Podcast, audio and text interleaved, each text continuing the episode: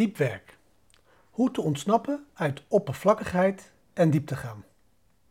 Deep Work van Cal Newport. Dit is mijn go-to boek voor inspiratie over productiviteit.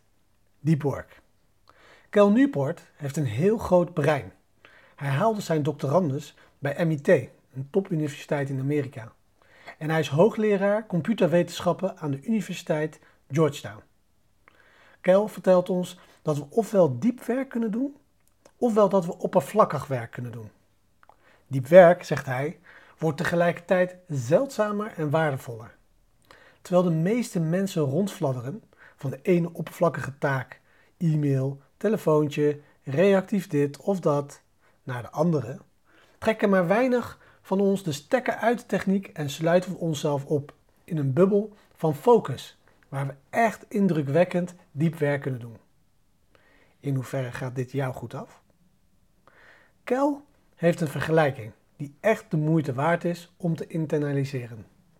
Geproduceerd werk van hoge kwaliteit is besteden tijd keer intensiteit van focus.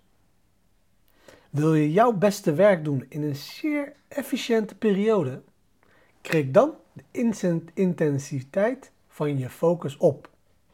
Hoe? Via diep werk.